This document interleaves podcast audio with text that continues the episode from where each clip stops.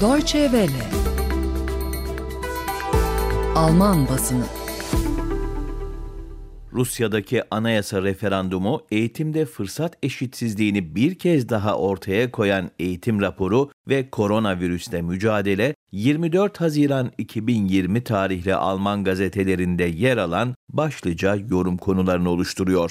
Sayın dinleyiciler, Rusya'da seçmenler Devlet Başkanı Vladimir Putin'e 2036 yılına kadar göreve devam etme imkanı tanıyacak anayasa değişikliği referandumu için 1 Temmuz'da sandık başına gidiyor.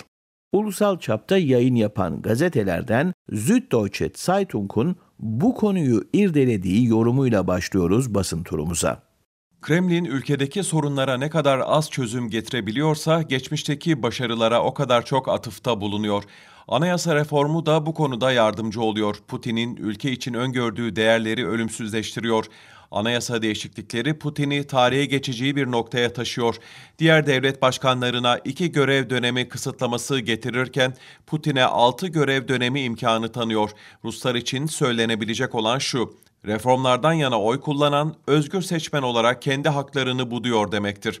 Değişim umanlarsa giderek şansını başka yerlerde aramak istiyor. 18-24 yaş arasındaki Rusların yarısından fazlası yurt dışına göç etmeyi düşünüyor.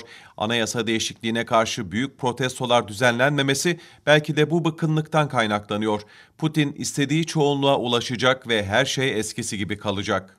Almanya'nın en büyük mezbahasında çalışan 1500'den fazla kişide koronavirüs tespit edilmesi et işleme tesislerindeki olumsuz çalışma koşullarını bir kez daha gündeme getirdi.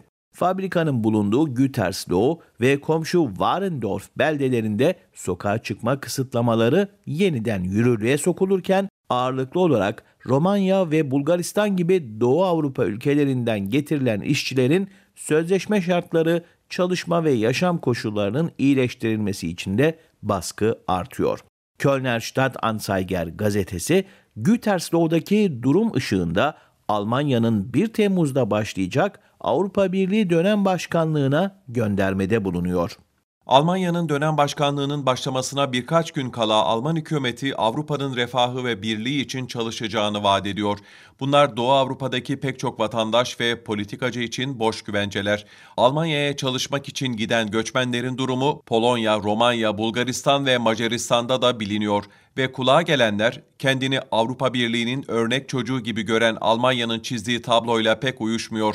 Avrupa Birliği istihdam pazarında adaleti tesis etmek için Almanya'nın önünde 6 ay var. Kolları sıvamaya kendi evinden başlasa iyi eder. Ve geçiyoruz bir başka konuya. Sayın dinleyiciler, Birleşmiş Milletler Eğitim, Bilim ve Kültür Teşkilatı UNESCO'nun dün açıklanan Dünya Eğitim Raporu dünya çapında 250 milyona aşkın çocuğun okulla bağlantısının bulunmadığını, eğitime erişimin önündeki en büyük engelinde yoksulluk olduğunu bir kez daha ortaya koydu.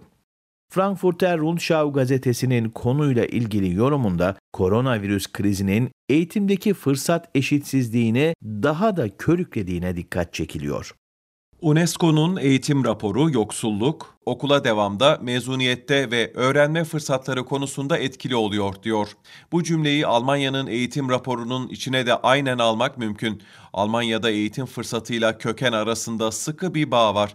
Lise ve yüksek okullarda akademisyen ailelerden gelen öğrenciler büyük ölçüde kendi aralarındalar. Korona krizi özel teşvike ihtiyaç duyan öğrencilerin daha da gerileme tehlikesiyle karşı karşıya olduğunu açıkça ortaya koydu.